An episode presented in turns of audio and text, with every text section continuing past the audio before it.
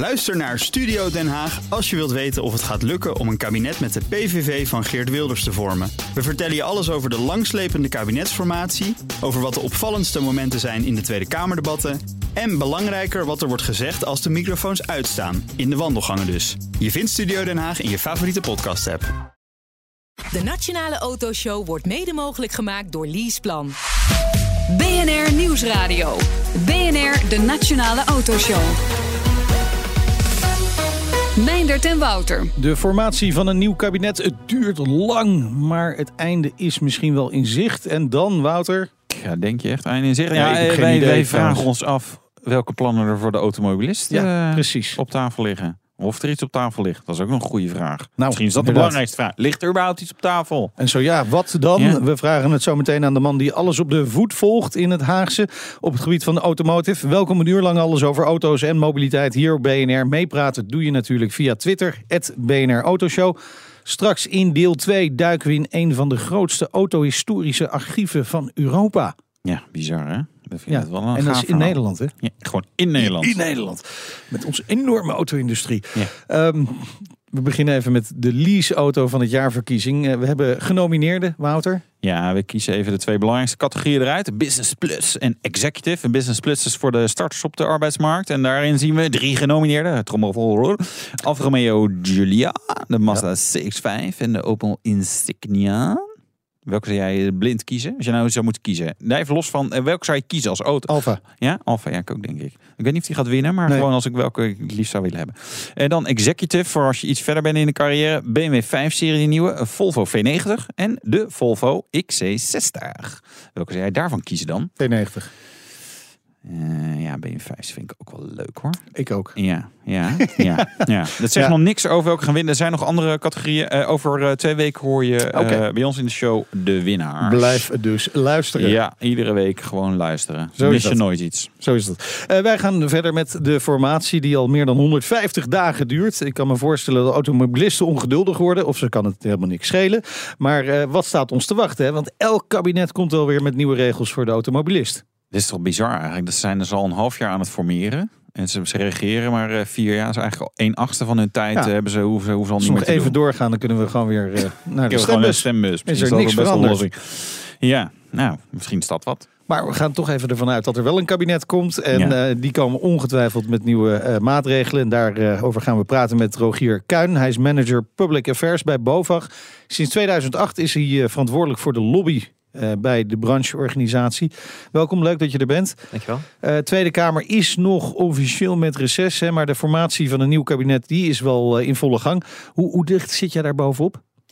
Nou, dat is voor brancheorganisaties niet de plek waar op dat moment het werk gebeurt. Dat doe je eigenlijk daarvoor al. Eh, wij volgen natuurlijk wel op de voet. En eh, omdat we actief zijn onder die Haagse K-stop, hebben we onze contacten, dus je hoort wel eens wat. Maar dat is niet dat we daar zelf aan tafel zitten. Nee. Nee, oké, niet zelf aan tafel. Maar heb je bronnen in de buurt van... Ja, via via hoor je natuurlijk wel wat, ja. Ja, ja, maar dat ja. zijn wel, het is in de sfeer van geruchten, dus kan een beetje vergelijken met journalisten, denk ik. Kan je nu wat doen? Of heb jij gewoon al 150 dagen dat je denkt... Nou ja, maar even afwachten wie het wordt eh, op Ja. eh, nou ja, het, de, de betreffende ministeries. Ja. Zeg maar, in de sfeer van direct doen moet je je werk eigenlijk al eerder hebben gedaan. Dat is voor Ja. een aanloop naar de verkiezingen. Eh, wat je kan doen is het eh, onderwerp van mobiliteit wel op de politieke agenda houden. Zodat ze daarover gaan praten. Dus ook bijvoorbeeld over de band van eh, eh, de media. Wat we ook wel doen. Ja. Ja. En waar we als BOVAG denk ik van oudsher wel sterker zijn. Is in ieder geval zoveel mogelijk informatie aandragen. hè. Er zijn ook gewoon vragen die leven bij de politiek. Van hoe is dit geregeld? Hoe is dat Ja. geregeld? Cijfermateriaal. En daar zoveel mogelijk objectieve cijfers van eh, geven. Ja. Maar goed, als je weet welke partijen aan tafel zitten bij zo'n formatie, dan weet je ook pas welke richting het op zou kunnen gaan natuurlijk met de maatregelen voor de autobranche. Ga je op dat moment met de, de Kamerleden die de automotive in hun portefeuille hebben, ga je daarmee dan eh, praten? Nee, want dat doe je, dat doe je al in aanloop naar de verkiezingen. Juist omdat je niet weet eh, wie er in het kabinet komen. En Bovendien, uiteindelijk moeten de besluiten worden genomen door een Kamermeerderheid. Je weet nooit welke partij je daarvoor nodig hebt. Richt je je vooral op de, de, de partijen die al een beetje autovriendelijk zijn. En laat je, nou ja, GroenLinks bijvoorbeeld eh, lekker links eh, liggen. Nee, je zegt natuurlijk nee, maar ja, Nou, nee, misschien kunnen we een sign afspreken als je, als je, als je het echte antwoord. Ja. Ja, ja, ja. Nee, het echte antwoord is echt dat je... Kijk, ik zou mijn werk niet goed doen als ik vooral ging lobbyen bij de partijen die ons wel gezind waren. Want daar heb je hier gelijk al bij wijze van spreken. Ja, ja, ja, de, de kunst is natuurlijk om in goed gesprek te zijn met die partijen die niet van het duo met je eens zijn. En welke partijen zijn dat? Nou ja, en GroenLinks, wat Wouter noemt, dat is wel een partij die wat verder van ons afstaat. Ook Ja. naar het verkiezingsprogramma kijkt. Ja. Wat Ja. dat betreft hebben we ook wel eh, natuurlijk ons eh, hard vastgehouden in de tijd dat ze in de formatiebespreking Ja, ja. zaten. Ook blij dat ze eruit zijn dus. Nou, ik denk dat dat voor de open- automobilisten in Nederland goed nieuws is voor de komende vier jaar. Oké. Ja. Oké. Ja, dat is positief. Dat is positief, maar dat toch is positief. Nee, maar we hebben een goed nieuws. Nou, goed nieuws. goed nieuws. GroenLinks gaat niet regeren. Nou, tijdens die formatie is het toch wel belangrijk natuurlijk eh, w- wat eruit gaat komen. Hè, en welke eh, compromissen er gesloten gaan worden. Zo nu en dan lekt er wat uit. Hè. Via het AD is eh, het een en ander uitgelekt, het Algemeen Dagblad. Maar er staat helemaal tot nu toe horen we niks over auto's en mobiliteit. Is dat jou ook opgevallen? Of, of eh, heb jij links en rechts wel het een Ja. en ander gehoord? Nou, niet in de, niet in de pers, dat klopt. Eh binnendoor hoor je wel eens wat. Ja. Eh, er wordt natuurlijk wel degelijk over mobiliteit gesproken aan de onderhandelingstafel. Maar dat het niet in de, zeg maar, in de top drie van de onderwerpen staat, dat klopt wel. En dat er ook niet Maar over is dat wordt niet gelekt. gek dat dat niet in de top 3 staat? Hij zou in ieder geval in de top 5 moeten. Eh, want het is Ja. een van de belangrijkste uitdagingen denk ik, die we hebben in Nederland. ja. Maar staat hij in de top 5? Nou, Ik denk van niet, eerlijk Nee. gezegd. Ik Nee. denk- nee, weet je, en dat is ook wel iets eh, waar we ons zorgen over maken. We hebben ons ook aangesloten in een bredere mobiliteitsalliantie. Juist Ja. omdat je dus vanuit een breed verband kan aangeven en bij de politiek onder de aandacht kan brengen hoe belangrijk dit is en dat er oplossingen worden gevonden. Maar dat is een beetje dovermans oren. Of, of, of denk je dat er toch nog wel een beetje beweging komt? Ik, Nee. Het lijkt me zo'n onderwerp waar ze denken... nou ja, dat regelen we dan nog. Oh, oh, we komen 2 miljoen euro tekort. Weet je wat? MRB nog even omhoog. BPM nog even aan schroeven. Zo, dat soort dingen. Valt het mee? Ben ik te Dat- cynisch? Ja, ik- hebben helemaal geen meer, met toch? die- Ze hebben alleen maar meevallers. Ze hebben over. We kunnen eindelijk Ja. eens wat terugkrijgen misschien. Ja, ik verwacht, eh, het is meer even het punt van Wouter. Ik verwacht niet dat de autobelastingen, dat er nu wordt afgesproken dat die omhoog gaan. Nee. Sowieso hebben de partijen die nu daar aan de onderhandelingstafel zitten, dat niet in hun verkiezingsprogramma's staan. En VVD, CDA, noodzaak- D66 en ChristenUnie voor wie Ja, nog ja, ja. net terugkomt van vakantie. Ja, ja, precies. Ja. Nee, dus dat zou een hele verrassende move zijn. En ze komen inderdaad niet eh geld tekort of onverwacht geld tekort. Het is wel zo dat als je kijkt naar de investeringen in infrastructuur die nodig zijn op langere termijn, dat eh, vanuit de, die mobiliteitsalliantie is uitgerekend dat het een miljard per jaar extra zou moeten zijn. En dat is natuurlijk een hele hoop eh, geld, serieus geld. Ja. Ja. En denk je dat deze partijen bereid zijn om de portemonnee te trekken? Ik kan me voorstellen, de VVD, ja. Hè? Die kunnen we Ja. wel invullen. Daar kunnen we Ja, maar, niet alleen. VVD, want het gaat voor de goede orde niet alleen over investeringen in eh, asfalt. Ik denk dat wil je Nederland in beweging krijgen en houden, dan gaat het ook net zo goed over investeringen in het openbaar vervoer. Dus het is eigenlijk Ja. iets wat in het politieke spectrum van links tot rechts van belang is. Ja. als al die andere mensen naar het openbaar vervoer gaan... dan gaan wij wel gewoon met de auto. Zoiets? Het grote probleem is, het openbaar vervoer zit ook vol, Wouter. Ja. Nou ja, er kunnen dan nog wel een paar... Als het toch al vol zit, kunnen er nog wel een Ja, paar mensen bij. Kijk naar Japan. Ja. Weet je, er, er zijn ambities voor het openbaar vervoer om echt tot een zogenaamde schaalsprong te komen. Hè. Dus dan ga je Ja. echt bijvoorbeeld een light systeem in de hele Randstad uitrollen. Dan kan je natuurlijk wel meer doen dan alleen maar een paar mensen er extra bij proppen. Wat dan Ja. nu ons ongeveer je eh, ruimte is. En iets anders is, kijk, je kan investeren in asfalt. Dat moet je ook doen. Hè. Maar als je kijkt naar het hoofdwegennet, dan zijn er echt nog wel knelpunten die we kunnen oplossen. En die we moeten oplossen, wil je eh, Nederland bereikbaar houden. Maar in de steden is extra asfalt erbij natuurlijk niet de oplossing. Dus dan zou je toch met slimmere mobiliteit moeten komen. Ja, en gaan we dan richting het anders betalen voor mobiliteit? Ik, Nou, dat is, dat is voor de, woorden heel voor- bewust. zeg maar, voor de stedelijke, voor de stedelijke mobiliteit. gebruiken van Wouter namelijk. Nou, voor de, nu Ja, niet, voor deze seizoen keer- mogen ze weer een keer. Voor wie net terug rijden. is van vakantie.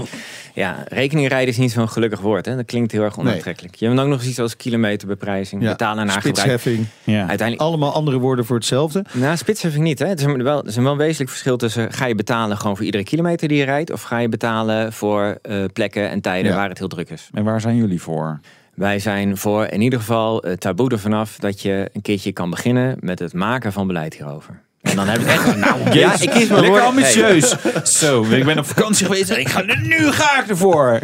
Maar het is eh, misschien niet eh, de meest sexy uitspraak, maar het is denk ik wel de meest realistische uitspraak. Als je overgaat naar zo'n systeem, dat is wel zo fundamenteel, dat kan je niet en dat moet je ook niet in één keer willen doen. Wat is dan de stap om dat wel te doen? Is, is uh, zeggen van met, nou, klein, Amsterdam... met kleinschalige proeven beginnen. Ja, en dat kan, dat kan allerlei vormen hebben. Je kan eh, met regio's beginnen, je kan in steden beginnen. Ja. Maar je kan bijvoorbeeld ook zeggen van nou, je biedt de ruimte dat het bedrijfsleven met de Belastingdienst een deal sluit dat hij voor zijn werknemers een andere manier eh, van eh, betalen inricht. Wat wij juist willen is dat dat niet van bovenaf wordt opgelegd, maar dat er in ieder geval een ruimte is, bijvoorbeeld in de vorm van een experimenteerwet of zo, dat je hiermee aan de kan- Ja. gang kan gaan om te leren. Want er zijn natuurlijk sceptici, er zijn believers, maar niemand weet uiteindelijk hoe het zit. Maar dan is de lobby bij de VVD toch wel behoorlijk mislukt. Want daar staat keihard in geen rekening rijden of wat voor vorm van betalen voor gebruik. Ja, maar ik denk ook niet dat het reëel is te denken dat je in de komende vier jaar die systeemomwenteling gaat eh, halen. Maar als Maar de als, komende vier jaar de VVD, als ruimte... de VVD zegt we doen het niet, dan doen ze het wel. Dus dan eh, goed nieuws, we krijgen rekening rijden. VVD wil het voor. Eh, nee, maar hoe zijn er medestanders voor eh, anders eh, betalen voor mobiliteit? Kilo, ja, Die nu aan de onderhandeling staan Ja? zitten, ja zeker. Ja, D66, D66 is natuurlijk voor, maar de, Ja. de ChristenUnie heeft, had in zijn verkiezingsprogramma staan een vorm van spitsheffing. en CDA twijfelt een beetje. En CDA heeft er niks over opgeschreven, Nee, dus daar kan je nog de kanten weer op. Ja. Klopt. Ja, ja. Maar, maar denk je dat er inderdaad iets dergelijks in dat soort woorden uit gaat komen? Dat ze een begin gaan maken met het ontdekken van, Als ze, daar, als ze daar de van- ruimte voor bieden. Ja. Kijk, je, je hoeft niet alles nu eh, te regelen. Hè. Dat is eh, ook wel een van de dingen die we hebben geleerd. Zolang want in Nederland in een regeerakkoord kan je niet de dingen Regeren is vast timmeren. vooruitschuiven. Hè? Dat is wat Ja, eh Kees je- de Kort altijd nu- zegt. Ja, dat is een vorm van uitleg. Maar als je nu de ruimte biedt om daar in ieder geval mee aan de gang te gaan, ergens in de komende vier jaar, dan is er een opening. En dat is al heel veel meer dan we de afgelopen acht jaar hebben gehad in Den Haag.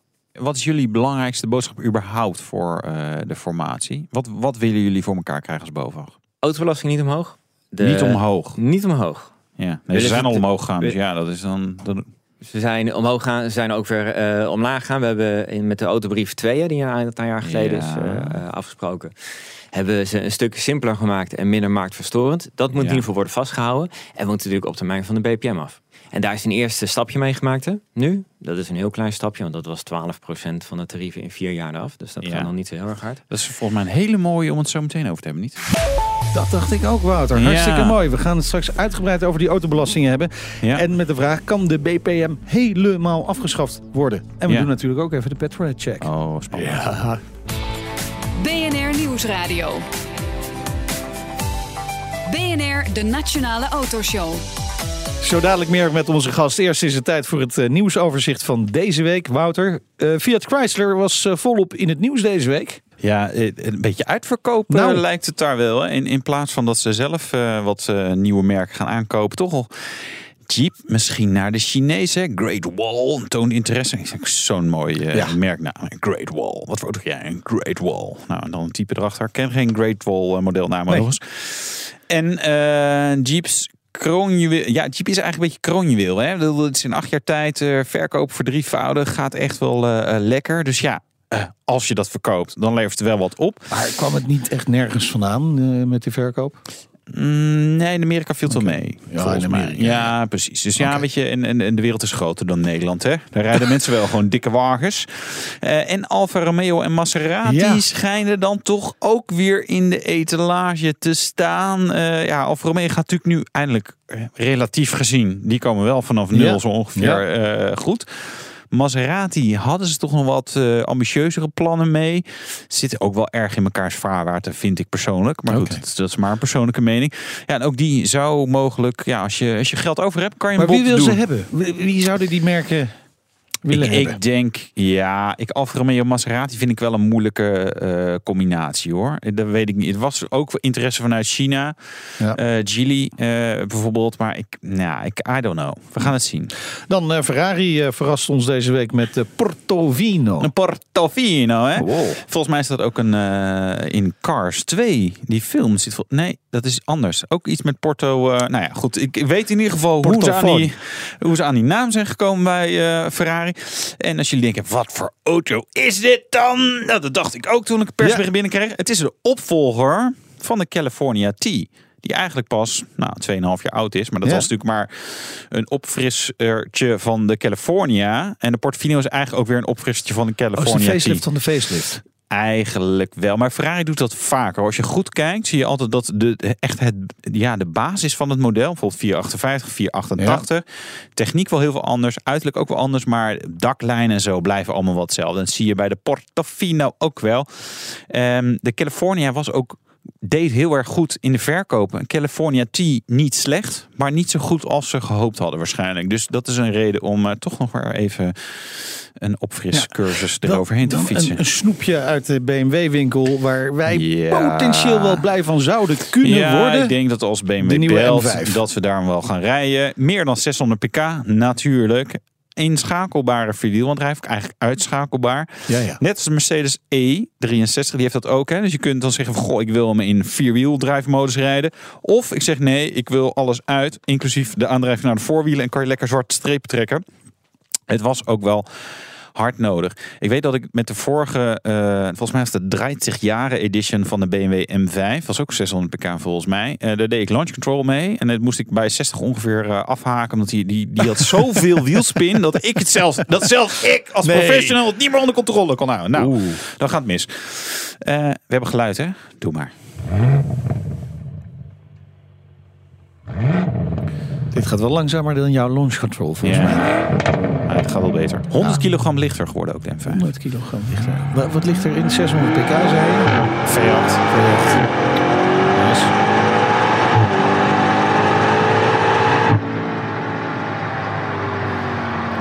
Ja, en hier moet hij remmen, hè? want Europa houdt op. En hij is gestart in München, maar ja, hij rijdt de Middellandse Zee in. Zo, zo'n hard gaat dat. Hey, eh, gaan wij door naar Volkswagen. Presenteerde de T-Rock. Ja, een soort Audi Q2, maar dan met Volkswagen badges. We hadden ook een bezoeker op Autoblog die eh, de badges had omgewisseld. En, En dan, dan denk je inderdaad... Nee, dan denk je inderdaad, ja, goh, die Q2 had eigenlijk logisch geweest met een Volkswagen badge en de T-Rock met een Audi badge. Oh, ze En hebben gewoon een, een, een mix-up gemaakt. Ja, Daar. maar ja... eh, cross- Wisselkinderen zijn cross- het. oh, wisselkinderen, ja. Zo'n soort eh Siamese tweeling. Nee, dat is ook niet Ja. helemaal het goede woord. Nee, ja, kleine SUV, een beetje polo-achtig SUV. Ik weet echt niet hoe groot, hoe klein dingen zijn. Ja.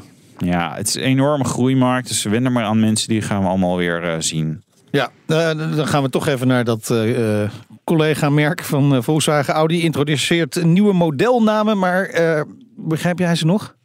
Ik eh, vind het erg lastig. Ze gaan met cijfers werken. Ja. Dat is op zich vrij logisch, want BMW en Mercedes doen het ook. Hè. Vroeger was een 320i, had ook echt een 2 liter motor. Tegenwoordig is dat dan, die heeft het vermogen van een 2 liter motor. Eh, en Mercedes doet een beetje hetzelfde. Nou, Audi heeft het ook, maar die heeft dan bijvoorbeeld het letter... Hebt de cijfers, sorry, moeilijk.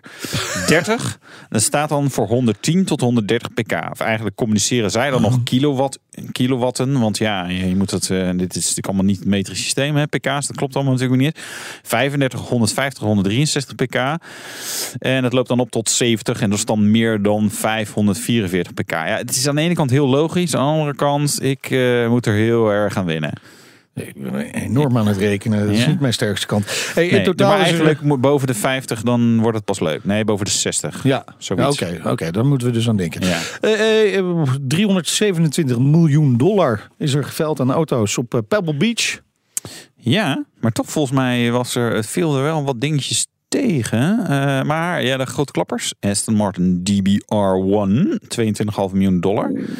Niet alleen oud speel overigens. Ferrari La Ferrari, 3,5 miljoen dollar. Dat is ook lekker als je een ding gekocht hebt. Hè? Ja. Die waren nieuw toch wel ietsje voordeliger. BMW Z8 uit 2003, 440.000 dollar. Ik, heb eigenlijk, weet eigenlijk niet of die dan extreem weinig kilometers had. Dat Nee. zal haast wel. Ja, eh, gek huis. Ja, dit is, eh, weet je, ja, bedragen. Het zijn Ja. nogal bedragen. 327 miljoen dollar. Dan kan je een klein Afrikaans land, kun je daar de hongersnood mee Zo oplossen. Zo je? mensen, denk Dat daar maar eens over na dat als je naar auto's auto's kijkt. Ja. Dat kunnen auto's doen dus. De Petrolhead Check. En die doen we ook natuurlijk met Rogier Kuin, manager Public Affairs bij de BOVAG. Ben je er klaar voor? Ja hoor. Mooi. Ja, de zomervakantie ja, die is eigenlijk al aan, aan zijn einde. Hier in de regio nog niet helemaal Nee. volgens mij. Maar eh, is er een auto waarmee jij dolgraag nog een keer op vakantie zou willen gaan? Ja, ik ben echt weg van eh, de oude Mercedes Cabriolet, zeg maar de S-klasse van rond 1970. Een hele mooie auto. Ja, zeker. Dus dan wel vier zits. Eigenlijk wat nu weer Ja, terugkomt. Hè? Ja. Ja. klopt. Ja. Ah, gaaf. Ja, dat is wel een heel eh, tof ding. Erg mooi. ja. En je hebt nog een redelijke kans dat je op de bestemming aankomt. Met eh, dat soort dingen. Ja. En ja. dat klinkt ook leuk, hè? Ja. Hij zijn zo snel. Heb je dat gewoon erbij gezocht? Ja, nou het even gedaan net. Ja. Hij hoort het en hij zoekt het en hij heeft het. V8 motor, hè? Mooi, Zeker, 200 3,5 liter. Ja. Ja, prachtig. Hey, aan welke auto denk je met de meeste weemoed terug? Dat is mijn allereerste auto ooit. Die had ik eh, eh, gekregen van een eh, oom van mij. Ja? En dat was een oude BMW 525 ETA. Ja, het zijn- Een heel lui blok, maar wel Ja. met veel koppel. Ja, daar heb ik tot de dag van vandaag spijt van Ja. dat ik hem ooit heb Ja, wel een leuke oom dus. Dat was leuk ook. Ja, hij woonde in Amerika. Hij had deze in Nederland staan. En hij kwam reden te weinig in. Ja. Zo'n hier. Hier. Dat is wel gaaf. Ja. Het is een bijzonder blok inderdaad. Ja, zuiniger en meer koppel. Heel Ja. eh, apart eh, ding. De lelijkste auto ooit gemaakt. Ja, dat eh, vind ik van kinds af aan al de um, Stoets. Dat is, Stoets. ja, het, het Oh, is een Amerikaans kiesmerk uit de jaren 70. Echt verschrikkelijk. Ja, maar ze hebben volgens mij in de jaren 20 of zo hadden ze, hadden ze ja. Ja. ik weet niet of toen een kitsch was. Toen was het ook apart. Maar ja, in de jaren oeh, die is 70, echt- het is echt oh, verschrikkelijk in dat is huis. Dan heb je een moderne auto, maar wel met van die rare Ja, grote koplampen en zo. Ja, dit is wel heel, eh, heel Lelijk, erg. hè? Ja, dat is behoorlijk Ja, lelijk. Hey, dan komen wij bij eh, het eindoordeel. Ik zeg uh, uitmuntend. Uitmuntend. Nou, dat zeg ik ook. En Nou, wat goed. Onze stem zegt het ook, dus het zal wel goed zijn. Hey, we praten verder met BOVAG-manager Rogier Kuin, verantwoordelijk voor Public Affairs bij de branchevereniging. We hadden het net kort over de BPM, dat is de belasting op de aanschaf van een auto natuurlijk. Vorig jaar haalde de overheid eh, 6% meer BPM op. Gaat dus goed, hè? goede kant op weer een keertje. Ja, voor hen wel, ja. Ja, 1,6 miljard euro. Ja, betekent dat dan dat er meer auto's zijn verkocht? Nee, minder auto's. Maar wel BPM meer is belasting. omhoog gegaan. Ja, maar de BPM gaat wel 12% omlaag. Rara, hoe kan dit? Antwoord A. Meneer Wiebes vertelde niet helemaal de waarheid. Antwoord B. eh, de mathematische regels gaan niet op voor de Belastingdienst. Nou, dat eh, allebei goed, denk ik. Antwoord C. Ja? Allebei. Mag ik nog? Ja, ja. ja het is inderdaad een antwoord C aan had. Dus de eh nieuwverkopen zijn wel iets hoger vorig jaar geweest dan het jaar daarvoor. Eh, maar de belangrijkste regel is dat er gewoon iets duurdere auto's zijn verkocht. Met een iets, gemiddeld iets hogere CO2-uitstoot. De overheid gaat ervan uit dat de auto's ieder jaar 3% zuiniger worden. Dus als we met z'n allen wat grotere Ja. auto's kopen met wat hoge uitstoot, dan Ja. komt het bedrag ook hoger uit. Ja, ja, ja. Het is gewoon een gevolg van ons eigen gedrag. Maar de belofte was BPM afbouwen, eh sowieso verlagen. En eigenlijk is er geen auto in Nederland goedkoper geworden. Ja, dus eh, alle auto's zijn goedkoper geworden. Alleen we kopen duurdere auto's. Nee, maar ook gewoon de, de BPM-tarieven gaan gewoon ieder jaar gezellig omhoog. Nee. Zijn omhoog gegaan. Nee. Ook niet? Nee. Nou, dan zal ik wel verkeerde prijslijsten voor mijn neus Nee. hebben. Maar eh, Ze zijn niet omhoog. Ja, nee, eh, weet je, eh, je hebt dingen als inflatie en noem maar op. Maar Ja. als je daar allemaal voor corrigeert, dan gaan ze niet omhoog. ja, In totaal. gecorrigeerd voor inflatie. Nee, maar ik bedoel, maar- het, het, het bedrag wat je aan BPM betaalt, is er is er gewoon ieder jaar komt daar weer wat bovenop. Nee, nee, dat is echt niet zo. Het is wel zo dat die 12% verlaging, het meeste daarvan zit in de staartje. Dat is vorig jaar en het jaar daarna. Dus van die verlaging merken we volgens nog niet zoveel. Ja, want Dat klopt. We, we hadden Wiebes eh, in de uitzending precies een jaar geleden. Hij zei het volgende over de volledige afschaffing van de BPM. Hè. Daar zijn we nu nog niet, maar dit zei hij. Als we nu in één klap eh, van de ene dag op de andere de BPM afschaffen, dan gaan alle leasemaatschappijen in het rood. Had hij daar gelijk in? Ja. Waarom? Kijk, de BPM-restwaarde zit gewoon als waarde in dat wagenpark. En Ja. die, dat zijn assets van die leasemaatschappijen. Dus als dat in één keer verdampt, dan is dat een miljardenschade. Nou, Oké, dus dat is een verstandige keuze Heel- geweest heel van de Overigens niet alleen staatssecretaris. voor leasemaatschappij, maar natuurlijk uiteindelijk voor alle Ja, autobezitters. precies. Ja. Inderdaad. Voor iedereen die zijn auto dan eh, weer gaat verkopen, die raakt anders heel veel eh, geld kwijt. Maar goed, eh, het nieuwe kabinet moet natuurlijk wel richting een verdere verlaging van de BPM. Kan die wel de BPM volledig afschaffen? Of is, zijn we zover nog niet? Nou, er is, nee, er is destijds, dat was toen eh, rondom de kilometerprijs. En rond 2010 is er uitgerekend dat je de BPM in 8 tot 10 jaar kan eh, afschaffen. Nou, de BPM was toen wat hoger. We hebben zo meteen al 12 procent. Dus het kan misschien wat sneller dan 8 jaar. Maar je redt het niet in 4 jaar. Tussen de 4 en de 8. Tussen de 4 en de 8. Ik vind het allemaal wel niet zo heel concreet. Want uiteindelijk is het de tarieven zeg maar, per gram CO2 stijgen uiteindelijk. En dan zeggen ja, maar die auto's worden zuiniger. En dus, dus bouwen we het af. Dan denk ja, heel concreet is het niet te zeggen, oké, dan hè, daar werken we naartoe. Wij hadden natuurlijk heel graag gehad dat het wat meer was dan 12 procent in 4 Ja. jaar. Hè, ik bedoel, 12 procent per jaar zou een Is prima 3%. ritme zijn wat ons betreft. Ja, want Ja, het in is plaats 3, van... 3% per jaar. Dus over 33 jaar zijn we van de BPM af. Exact, dus het tempo dat zal wat ons betreft nog hoog moeten. Ja. Oké, maar eh, oké, het kabinet heeft eh, deze eh, uitzending ook geluisterd. Ja. Of tenminste de formatie, het formerende partijen. Wa- Wat moeten ze gaan doen? Wat moet er in het regeerakkoord staan- komen te staan dan? Nou ja, een wat eh, sneller tempo van de afbouw van de BPM dan we hoeveel- de afgelopen vier jaar Hoe- hoeveel gehad. is dat dan? Nou ja, als je de helft Komende, komende vier Als je de jaar. helft afbouwt in vier jaar, dan ben je een stuk beter bezig dan Kijk. het tempo van nu. Maar tegelijkertijd, ik bedoel, laten we niet vergeten dat we wel een begin nu eigenlijk aan maken zijn na 20, 30 jaar dat de BPM Ja. alleen maar omhoog is geweest. Hè? Maar het mag sneller dus. Ja. Graag. Moet Ja, sneller. graag. Moet sneller. Ja, wil je er niet 33 jaar over doen? Wel, ja, ja. En dat willen jullie niet. Ja, dat is duidelijk in ieder geval. Eh, en, en denk je dat inderdaad eh, het komende kabinet, de partijen die nu aan tafel zitten, eh, zo'n versnelling voor ogen hebben? Nou ja, dat maakt wel een kans. Ik bedoel, de VVD die heeft het in het verkiezingsprogramma staan. CDA hadden we al gezegd, heeft er niks over gezegd, dus dat biedt ook weer kansen. En ook de D66 wil de BPM verlagen, maar dan wel in combinatie met betalen naar gebruik. Dus daar moet je natuurlijk vanaf Ja. wachten hoe dat uitpakt. Ja, en daar zouden we dus wel ook waarschijnlijk wat experimenten mee kunnen verwachten met dat betalen naar gebruik. VVD zal natuurlijk niet toestaan dat dat wordt ingevoerd. Helemaal. Invoeren niet, maar nogmaals, dat is misschien ook niet zo gek. Ik bedoel, je moet echt wel weten waar je aan begint. Maar het gevoel bij mij lijft toch een beetje, denk ik, ja, maar we, we, doen, we doen maar wat. Zeg, Ja, 12% eraf. Maar ondertussen is het gewoon wel simpel. De, de inkomsten zijn eh, vorig jaar gestegen. Hoe kan je dit zeg maar uitleggen naar, nou laat, laat ik dan mezelf als simpel persoon nemen. Ik denk, ja, de, de inkomsten zijn gestegen. Ja, maar Dus de ja. inkomsten zijn gestegen eigenlijk niet. Dat heeft niet veel met de BPM te maken, maar Nee. met, die, met die bijtelling. We hebben natuurlijk met z'n allen een beetje kunstmatig eh, in, in kleinere, simpelere auto's gereden. Omdat we allemaal net onder de 14% of net onder de 20% bijtellingsgrens wilden uitduiken. Ja, Nou, of we pakten plug-in hybrides of elektrisch, omdat daar Precies. eh, zo weinig... Ja. En dat waren geen goedkope auto's. Exact. Maar er zat wel heel weinig BPM.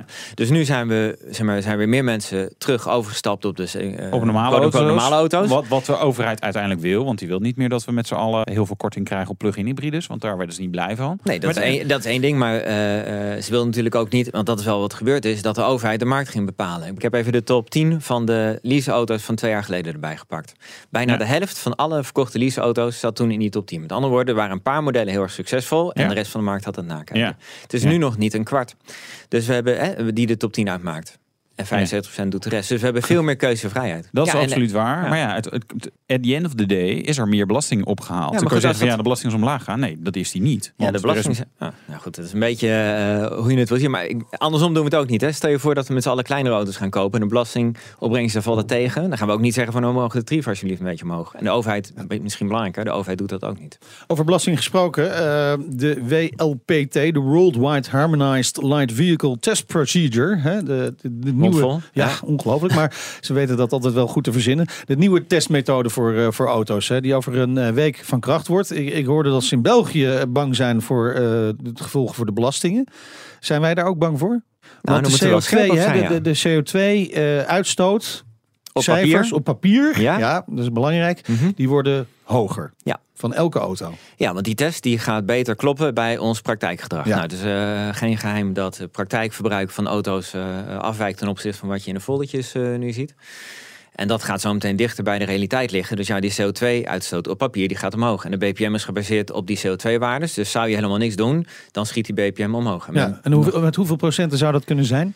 Nou, er wordt nu eh, gesproken over 10 tot 15 procent meer CO2-uitstoot. Ja. En omdat we progressieve BPM-tarieven hebben, zou je nog wel eens met meer dan 15 procent omhoog kunnen gaan. Maar goed, dat probleem is al onderkend. En daarvan heeft Wiebes ook al aangekondigd, dat, gaat, dat gaan we repareren. De vraag is wel, hoe ga je dat doen? Ja, En wat cool. vinden jullie? Nou ja, wat wij vinden is dat je, dat, eh, eh, dat je in ieder geval ervoor moet zorgen dat de automobilist niet te dupe wordt van het feit dat er in Europa nu een betere testprocedure Nee, is. nee. Ja, lijkt Ja, helder. Ja. ja maar, maar dat betekent dus dat de, de BPM niet omhoog mag. Nee. Oké. Niet, niet als gevolg hiervan. Nee, En dat de dus we moeten de, anders gaan rekenen. Ja, dus we hebben voor de korte termijn de oplossing dat als de auto's volgens de nieuwe methode worden getest, dat die worden teruggerekend naar de oude methode. En dat die dus ook worden aangeslagen voor de BPM-tarieven van de oude methode. Ja.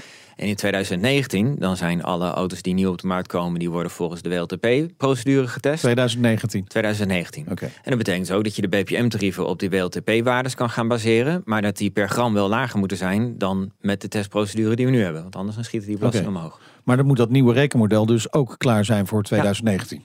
En dat, wordt, dat, is een, dat is de meest lastige puzzel eigenlijk. Waarom is dat zo moeilijk? Omdat nu nog niet duidelijk is wat precies die verhouding is tussen oude manier van meten en nieuwe manier Ah, van meten. Dat, daar moet je eerst genoeg auto's voor hebben. En dat gaat ergens in de komende twee jaar krijg je genoeg volume van die auto's om dat te kunnen bepalen. Ja, het is anderhalf jaar. Dus we Ja. hebben nog wel meer haast, denk ik. Ja. Minder dan anderhalf jaar, 2019. Het gaat al snel. Ja, het gaat hard. Ja, klopt. Ja.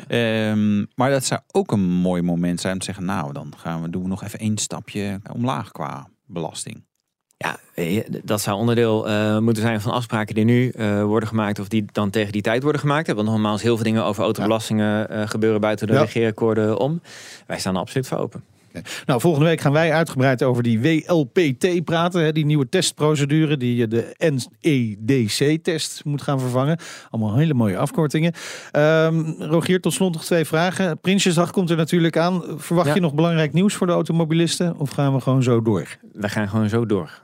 En deze formatie, want die zal waarschijnlijk niet voor Prinsjesdag geslaagd zijn. Maar gaat de formatie wel slagen? Wat denk je? Ik heb er een weddenschap op lopen, dus eh, laten we hopen wel. Oh, Je denkt van wel. Ja, zonder gekheid, ik denk, niet, ik denk niet dat ze dit nog laten klappen. Oké. En hoe groot is die weddenschap?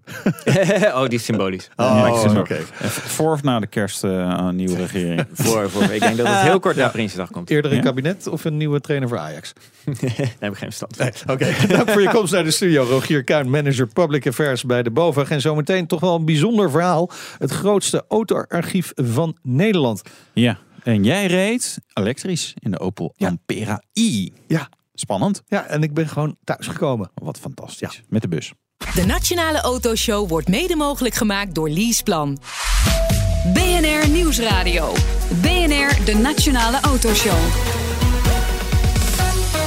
Meindert en Wouter. Een van de grootste autoarchieven van Europa wordt beheerd in, je raadt het misschien al een beetje, Nederland. Helmond, om precies te zijn. Ja, ik wist het niet. En onze Nee. luisteraars waarschijnlijk ook niet. Maar na deze uitzending vergeet je Nee, nee, nooit nee. meer. Hey, en eh, straks rijden we in de Opel Ampera i, de nieuwe volledig elektrische auto uit Duitsland. Het is eigenlijk best een saaie auto om te zien.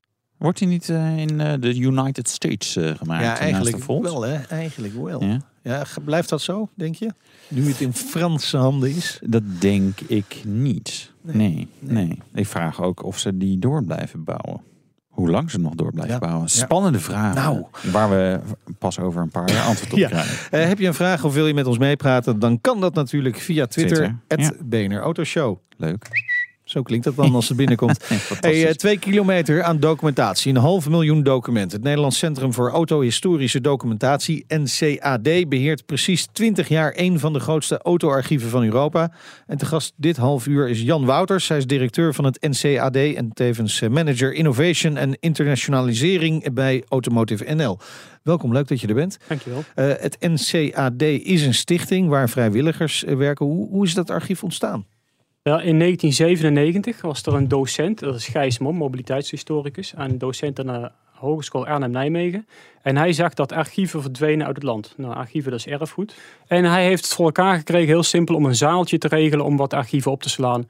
Nou, op een gegeven moment komen er meer archieven bij, ANWB-archief, Olieslagerarchief, en het loopt als een trein. Maar een zaaltje. Ik zat net twee kilometer aan archief. Waar, waar, waar laat je dat? Het ligt niet bij jou op zolder. Ja, in rolkasten. In rolkasten. Nee, maar dat, is- dat is best een, een aardig Ja, dat is- dat pand. is- hoe, hoe moet ik dan voorstellen? Hoe groot is dat? Nou, dat is enorm. Maar in één rolkast van Ja. 2,50 meter hoog en 5 meter breed, daar zit al 50 meter in. Dus als je 20 Ja. rolkasten hebt, heb je al een kilometer. Oké, maar 20 rolkasten van, wat zijn nou? Vijf, nee, vijf meter breed. 5 meter breed, 2,50 meter hoog. Ja, dus dan heb je al 100 meter een rolkast. Dat doe je heel luchtig over, maar dat is, dat is, dat is, best, dat is best een end. Klopt. Ja. Past niet bij mij in de garage, denk ik. Nee, eh, eh, het is enorm veel. Maar we zien ook dat het dagelijks groeit. Dus we hebben ook een uitdaging om die ruimte te blijven vullen eigenlijk. Dus we zijn heel sterk aan het digitaliseren.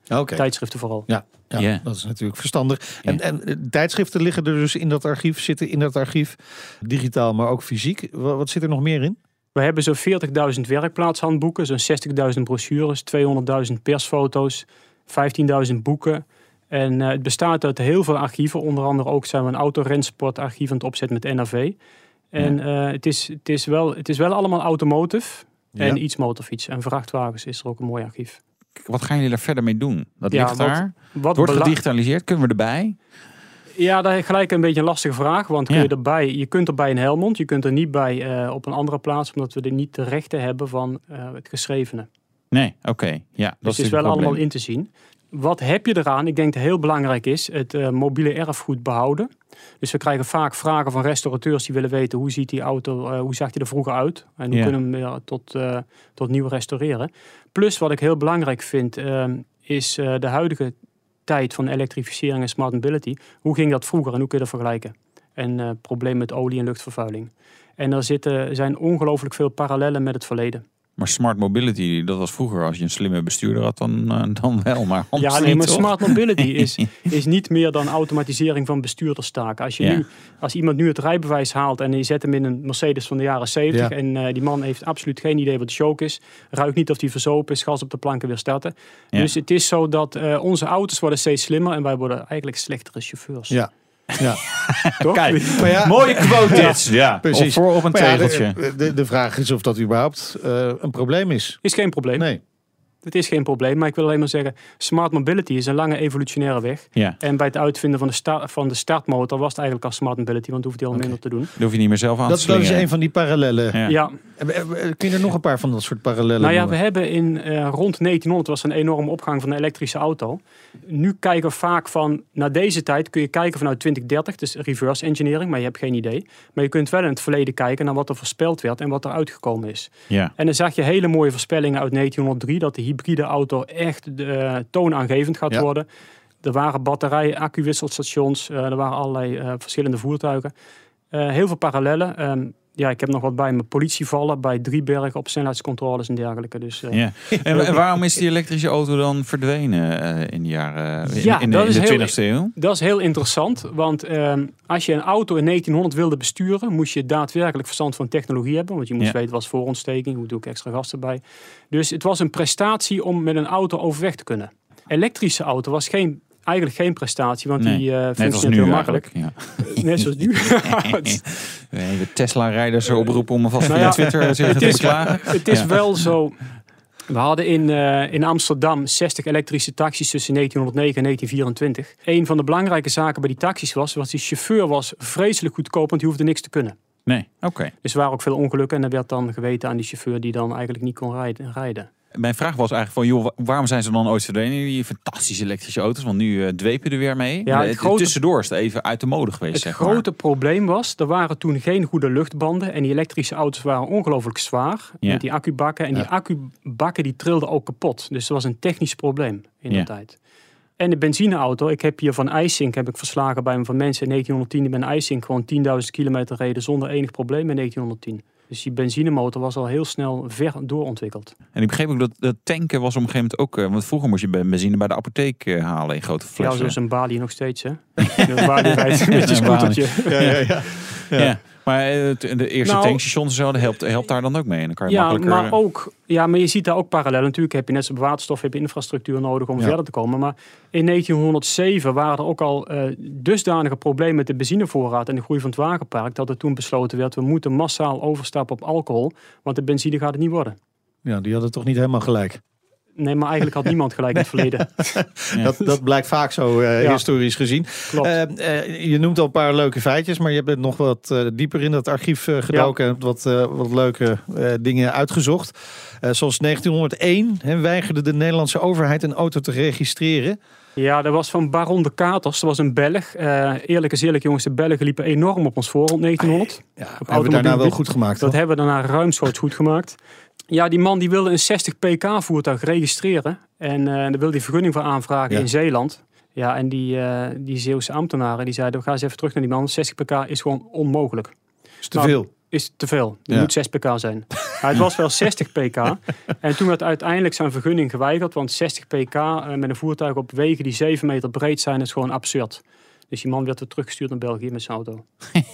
60 pk kan je nagaan. Daar kun je 100 mee rijden. Ja, ja, ja, daar kan je, ja, daar kan je honderd mee rijden. Ja, ja, dat is wel waar. Ja. In die te- tegenwoordig inderdaad, het instapniveau Volkswagen Up volgens mij begint bij 60 pk, zoiets. Of Ja, is ja, dat ja. 45? Nou, in ieder geval eh, Ja. 60 Maar- pk, niet heel veel. Om nog, nog één opmerking over waarom is die elektrische auto niet geworden. Ja. De benzinemotor, je komt met meercilinders, kon natuurlijk enorm veel vermogen krijgen. Wij hebben Ja. eh, afbeeldingen en technische gegevens van in 1904 van auto's met 200 pk, 38 liter V8 en dergelijke. Met cilinderafschakeling, dat wel. Met cilinderafschakeling Toen toen al. Tuurlijk. Alles is uitgevonden in de beginperiode. Ja, Niets is nieuw. we zijn eigenlijk een beetje aan het op, op, eh, weer aan het opnieuw opbakken wat we toen allemaal al Nou hebben ja, gehad. Maar, maar kunnen we dan nog Ja. veel meer van dat soort goede ideeën uit jullie archief Nou ja, halen? ik We heb- is gewoon even struinen en eh, wij zijn ja, de uitvinders van de, deze tijd. Ja, je hebt heel, het is heel interessant wat je zegt. Want eh, bij Mercedes, de Mercedes-fabriek, zijn vier engineers. zijn alleen maar aan het grasduinen naar uitvindingen in het verleden. Wat je vroeger had vooral is, eh, auto's werden bekogeld met stenen als je daar langs rijdt. Want je was een viezerik natuurlijk, je had geen eh, uitlaatdemper, dus eh, s- rook en alles.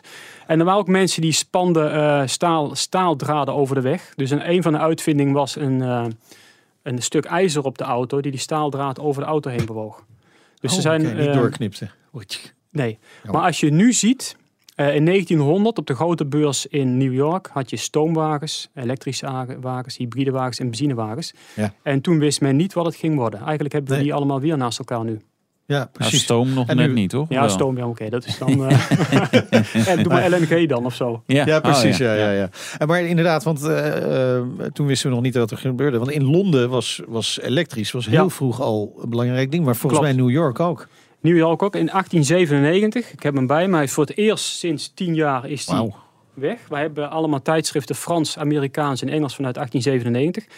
En toen had je ook accu-wisselstations. De autocar. Oh, je hebt een papiertje ertussen. En eh, er waren toen ook afspraken met elektrisch, elektriciteitsmaatschappijen. En het leuke was, er waren 200 elektrische taxis in Londen. En er was zoveel belangstelling toen die taxis uitkwamen, eigenlijk een beetje à la Tesla Model 3, dat, ehm, dat een van die chauffeurs kon niet wegkomen. Er stonden honderden man omheen en die kregen een bekeuring voor fout parkeren op de weg, omdat hij midden op de weg stond.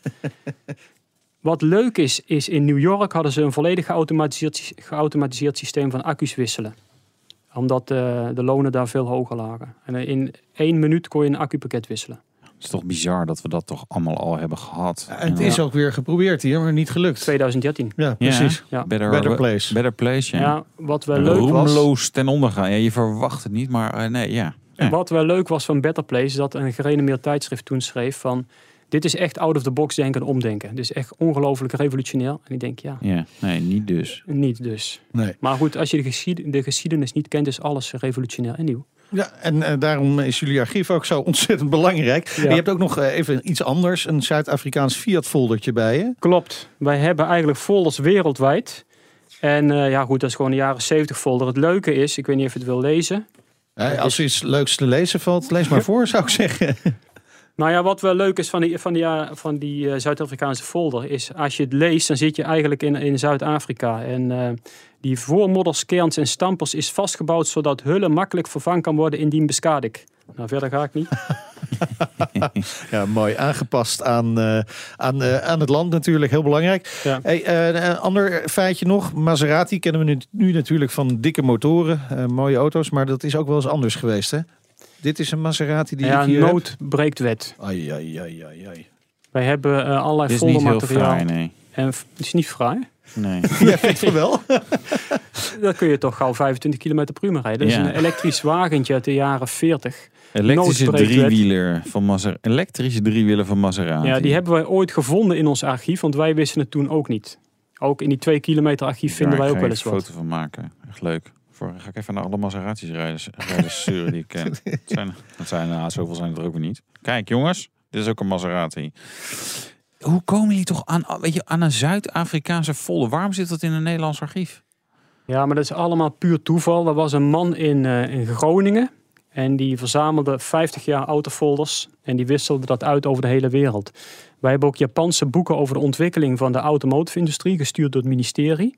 En ik heb een keer drie Japanse professoren op de Automotive Campus op bezoek gehad. En ik denk, ik laat even die, eh, die industriële boeken eh, zien. En die man was volkomen verbaasd dat hij dit in Nederland tegenkwam. Zometeen we gaan het verder hebben over het nut van het archief van het NCAD. Nou, volgens mij hebben we al een klein beetje aangegeven dat dat nut best wel groot is. En we gaan rijden met... In de Opel Ampera i. Ja, de of E. geschiedenis herhaalt zich. Elektrisch. Lekker hoor.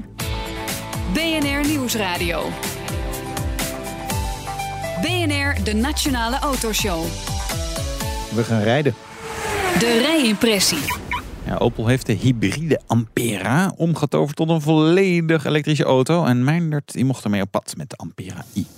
Terwijl de halve wereld zwijmelt bij de Tesla Model 3 als eerste relatief betaalbare elektrische auto met een behoorlijke actieradius, is General Motors toch eigenlijk gewoon net iets sneller op de markt met een auto die juist aan die voorwaarden voldoet. De Chevy Bolt, alias de Opel Ampera i hier in Europa. Nou, overigens kun je wel wat vraagtekens plaatsen bij die betaalbaarheid. De Opel kost hier net geen 41.000 euro. En als je hem een beetje aankleedt, dan gaat die prijs net zo snel omhoog als een elektrische auto optrekt. En dat is behoorlijk snel over het algemeen. Nou, met 4% bijtelling is deze auto dan nog wel interessant voor leaserijders. Maar ja, in die particuliere markt gaat de Ampera i waarschijnlijk nagenoeg niets doen. Daarvoor is hij gewoonweg te duur. En datzelfde geldt ook wel voor de Tesla Model 3. hè. De officiële prijs voor de Nederlandse markt is nog niet bekend. Maar ja, verwachting is dat dat ongeveer varieert tussen de 35.000 euro en de 45.000 euro. Prijzen van deze auto's zijn dus nog altijd best wel fors. En ze zullen daarom waarschijnlijk niet voor de beloofde revolutie gaan zorgen. Hè, Een elektrische auto voor de massa. Maar het is wel een forse stap in de goede richting. Nou, veel belangrijker is de stap die Opel maakt als het gaat om de actieradius met deze accu's. Die is echt fors. Op de zijkant van de auto staat eh, in grote letters dat hij meer dan 520 kilometer kan halen op volle accu's. Ja, dat is op zich jammer, want het is gewoon niet zo. Hè. Dat is eh, zijn bereik volgens de NEDC-norm, waarvan we allemaal inmiddels wel weten dat die voor geen meter klopt. In werkelijkheid ja, komt de Ampera i tot zo'n 350 à 380 kilometer. Dat is eigenlijk hartstikke mooi en best wel indrukwekkend. Je kunt nu eindelijk grote afstanden rijden zonder je zorgen te maken over de range. En zonder dat je een ingewikkelde laadplanning moet gaan maken. Je stapt gewoon in, je rijdt weg. En bijzonder daarbij is dat je met de Ampera i eigenlijk nooit meer hoeft te remmen. Hij heeft wel een rempedaal, dat wel. Maar die heb je alleen maar nodig voor noodstops. Je kunt namelijk prima remmen op de 60 kilowattuur sterke elektromotor. Vertraging is zo groot dat je het rempedaal eigenlijk gewoon niet meer nodig hebt. Bijkomend voordeel is dat je via regeneratie ondertussen de accu's weer een beetje oplaadt. Nou, veel is dat allemaal niet, maar ja, alles helpt een beetje, dus prima. Ander leuk plusje van deze auto is de acceleratie. Hè. Vooral van 80 naar 120 is die best wel indrukwekkend voor zo'n auto. Gaat in 4,5 seconden. Nadeel is wel dat je accu dan weer vrij snel eh, leeg raakt als je te vaak diep op dat, eh, ja, noemen we het, het gaspedaal duwt. Nou, ander nadeel van de Ampera i is toch wel een beetje het design van de auto. Hè? Zowel van binnen als van buiten. Het is eigenlijk best een saaie auto om te zien. Een beetje MPV-achtig. En ja, dat segment heeft natuurlijk zijn hoogtepunt hier in Europa al lang geleden gehad en ligt volledig op zijn gat. Het idee heb ik een beetje dat ze volledig gefocust zijn op de actieradius geweest. En het eh, interieur en het exterieur een beetje vergeten zijn geweest. Aan het interieur zie je dat GM weinig moeite heeft gedaan om die Chevy Volt om te bouwen naar een Opel. Hè, die Amerikanen die houden wel van technische snufjes en gadgets. Maar ja, ze geven niet zoveel om de gebruikte materialen. Nou, aan techniek geen gebrek. Maar dat gaat gepaard met net even iets te veel plastic. Wat dat betreft heeft Tesla absoluut een streepje voor. Hè, Model 3 veel mooier getekend. En ik ga ervan uit dat het gevoel van luxe ook gewoon een stuk groter is. Nou, overigens betekent dat niet dat de Ampera i een Spartaanse auto is.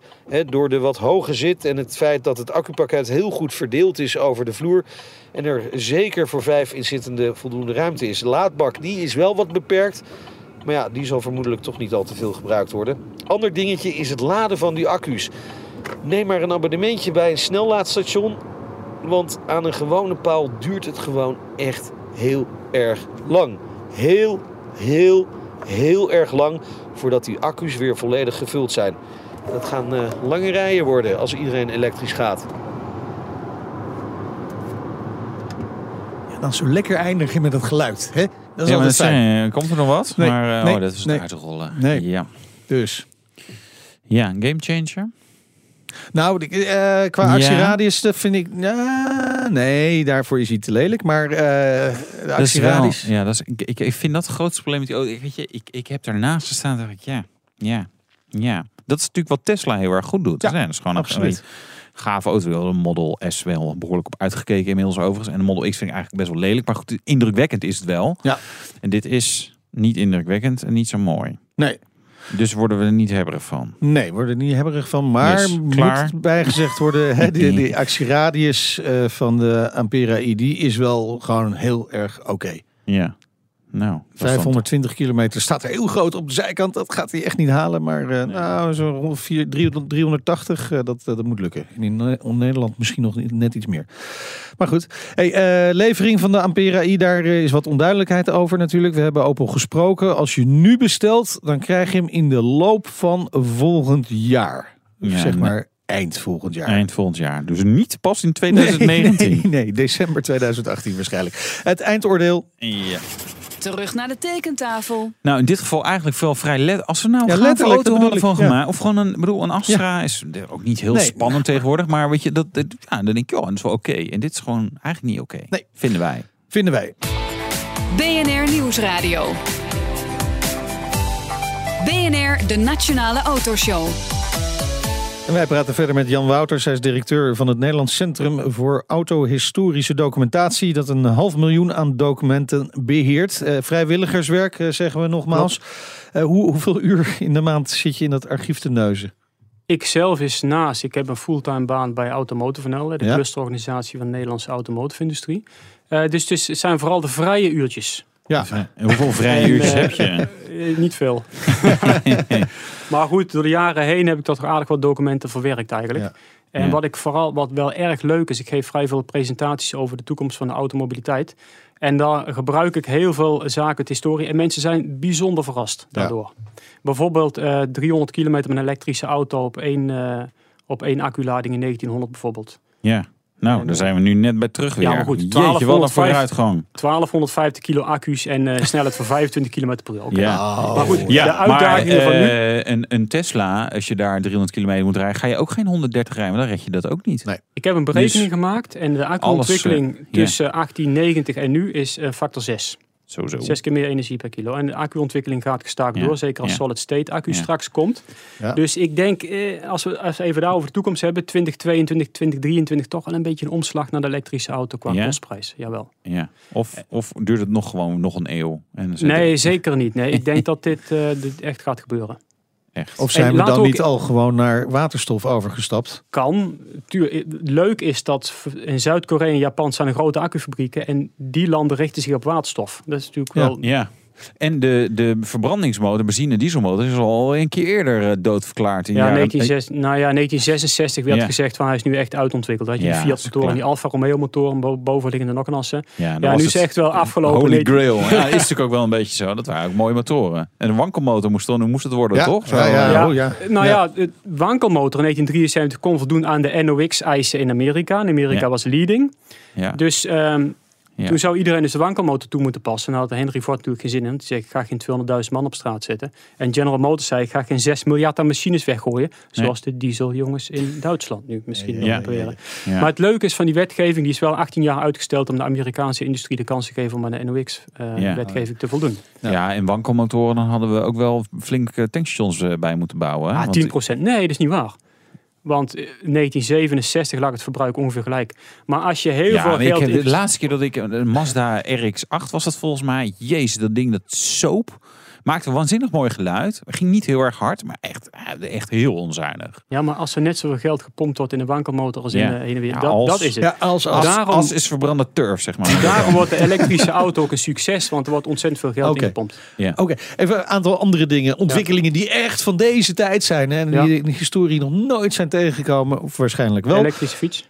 Bijvoorbeeld. Is die ook al geweest? Dan krijg je een tweetje binnen van iemand. Nee, dat is dus misschien echt wel een beetje nieuw. Ja. Maar eh, nee, autonoom rijden. Hè, Ja. Daar hoor je nu heel veel over. Klopt. Wordt Nou, al lang over geschreven, over de autonome auto? Wat ontzettend leuk is, iedereen eh, noemt een jaartal van een zelfrijdende auto, maar we zijn het er niet over eens wat daarmee bedoeld wordt. En als een auto eh, bedoeld wordt, ja, die rijdt op de snelweg tussen de lijntjes. Ja. 1975 kon Mercedes al helemaal autonoom rijden zonder chauffeur. Alleen had je toen hele dure apparatuur. Maar de zelfrijdende auto op de snelweg is er natuurlijk, hè, E-klasse en de Tesla. Nee, ja, Maar absoluut. de zelfrijdende auto in Bangkok, die is er voorlopig niet. Nee. Nee, Nee. want dat is wat lastiger. Maar ja, wij wonen ook niet in Bangkok. Dus Nee, dat is op klopt. zich eh, eh, een voorspelling voor in Nederland. Wanneer kan je... Nou ja, eh, Het grote probleem is, je gaat zelfrijdende auto's met niet zelfrijdende auto's mengen. Nou, Ja. zelfrijdende auto's zijn absoluut niet assertief, want die proberen alles om een ongeluk te voorkomen. Ja. Dus je komt op een gegeven moment geen zebrapad meer over. Nee. Dus je moet wat assertiever worden. En waar nu aan gedacht wordt, stadsplanning, is dat de zelfrijdende auto's eigen banen krijgen. Oh, dat lijkt me echt een goede oplossing. Mengen, mengen wordt heel moeilijk. Oké. Ja. Maar men denkt vanaf volledig zelfrijdend vanaf 20, 30 Ja. misschien. Dus hier in Amsterdam gaan we dan gewoon wat grachten dempen en zo. Voor- Dat zou je even houden. Nee, maar bedoel, we Hey, hebben toch eh, ruimte ander- tekort? Nou, hou eens op. Ja. Ander onderwerp. Autodelen. Ja, Is dat ook al eh, iets eh, nou ja, wat we vroeger deden? Ja, in Parijs in 1910 bestond 44% het totale wagen, wagenpark taxis. Dus er was eigenlijk eh, was niet alles bezit. De helft was bezit. En men denkt ook nu, ik- in grote steden kan ik me het bijzonder goed voorstellen, autodelen. In Parijs is het ook een groot succes en het draait als een speel. Eh, mochten luisteraars interessante documenten hebben waarvan zij denken in ieder geval dat het interessant is, kunnen ze die bij jullie kwijt? Klopt. Hoe komen ze in contact met jullie? Eh, website ncad.nl. Oké. Daar staan eh, gegevens op. Ja, en, wa- en wat voor soort dingen eh, willen jullie hebben? Vooral nog van voor de oorlog. Van voor de En nou oorlog? niet Irak, Iran, Nee, maar zeggen, ja. Tweede Wereldoorlog. Tweede Voor de. Tweede Wereldoorlog. Ja. Ja, oké. Nou, bij deze een oproep gedaan. Automotive ML, daar werk je ook voor. Ja. Belangrijk werk natuurlijk. Heel belangrijk. Ja, want? Waarom?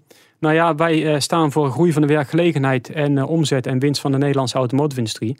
En daarom werken we nou samen met de Technische Universiteit en programma's en proberen ministeries te be- beïnvloeden van mooie programma's. Heel succes, veel succes daarmee. Dankjewel. Dankjewel voor je komst naar de studio. Jan Wouters, directeur van het Nederlands Centrum voor Autohistorische Documentatie NCAD. Wouter, volgende week. Ja, Jeroen Mul. Dan denk je, Jeroen wie? Nou, Jeroen is gewoon testrijder bij Lamborghini. En race ermee. Ja, nee, nee, nee, weet je, als je iemand op Instagram wil volgen en jaloers wil zijn, dan zou ik hem volgen. Oké, En ons kan je ook volgen. Twitter, Ja. Facebook, Instagram, Spotify, eh, BNR-app downloaden. tot volgende week. Doei. Doei. De Nationale Autoshow wordt mede mogelijk gemaakt door Leaseplan. Bij BNR ben je altijd als eerste op de hoogte van het laatste nieuws. Luister dagelijks live via internet. Bas van Werven. En heel langzaam komt de zon op rond dit tijdstip. Je krijgt inzicht in de dag die komt op BNR, het Binnenhof in Nederland en de rest van de wereld. De Ochtendspits. Voor de beste start van je werkdag. Blijf scherp en mis niets.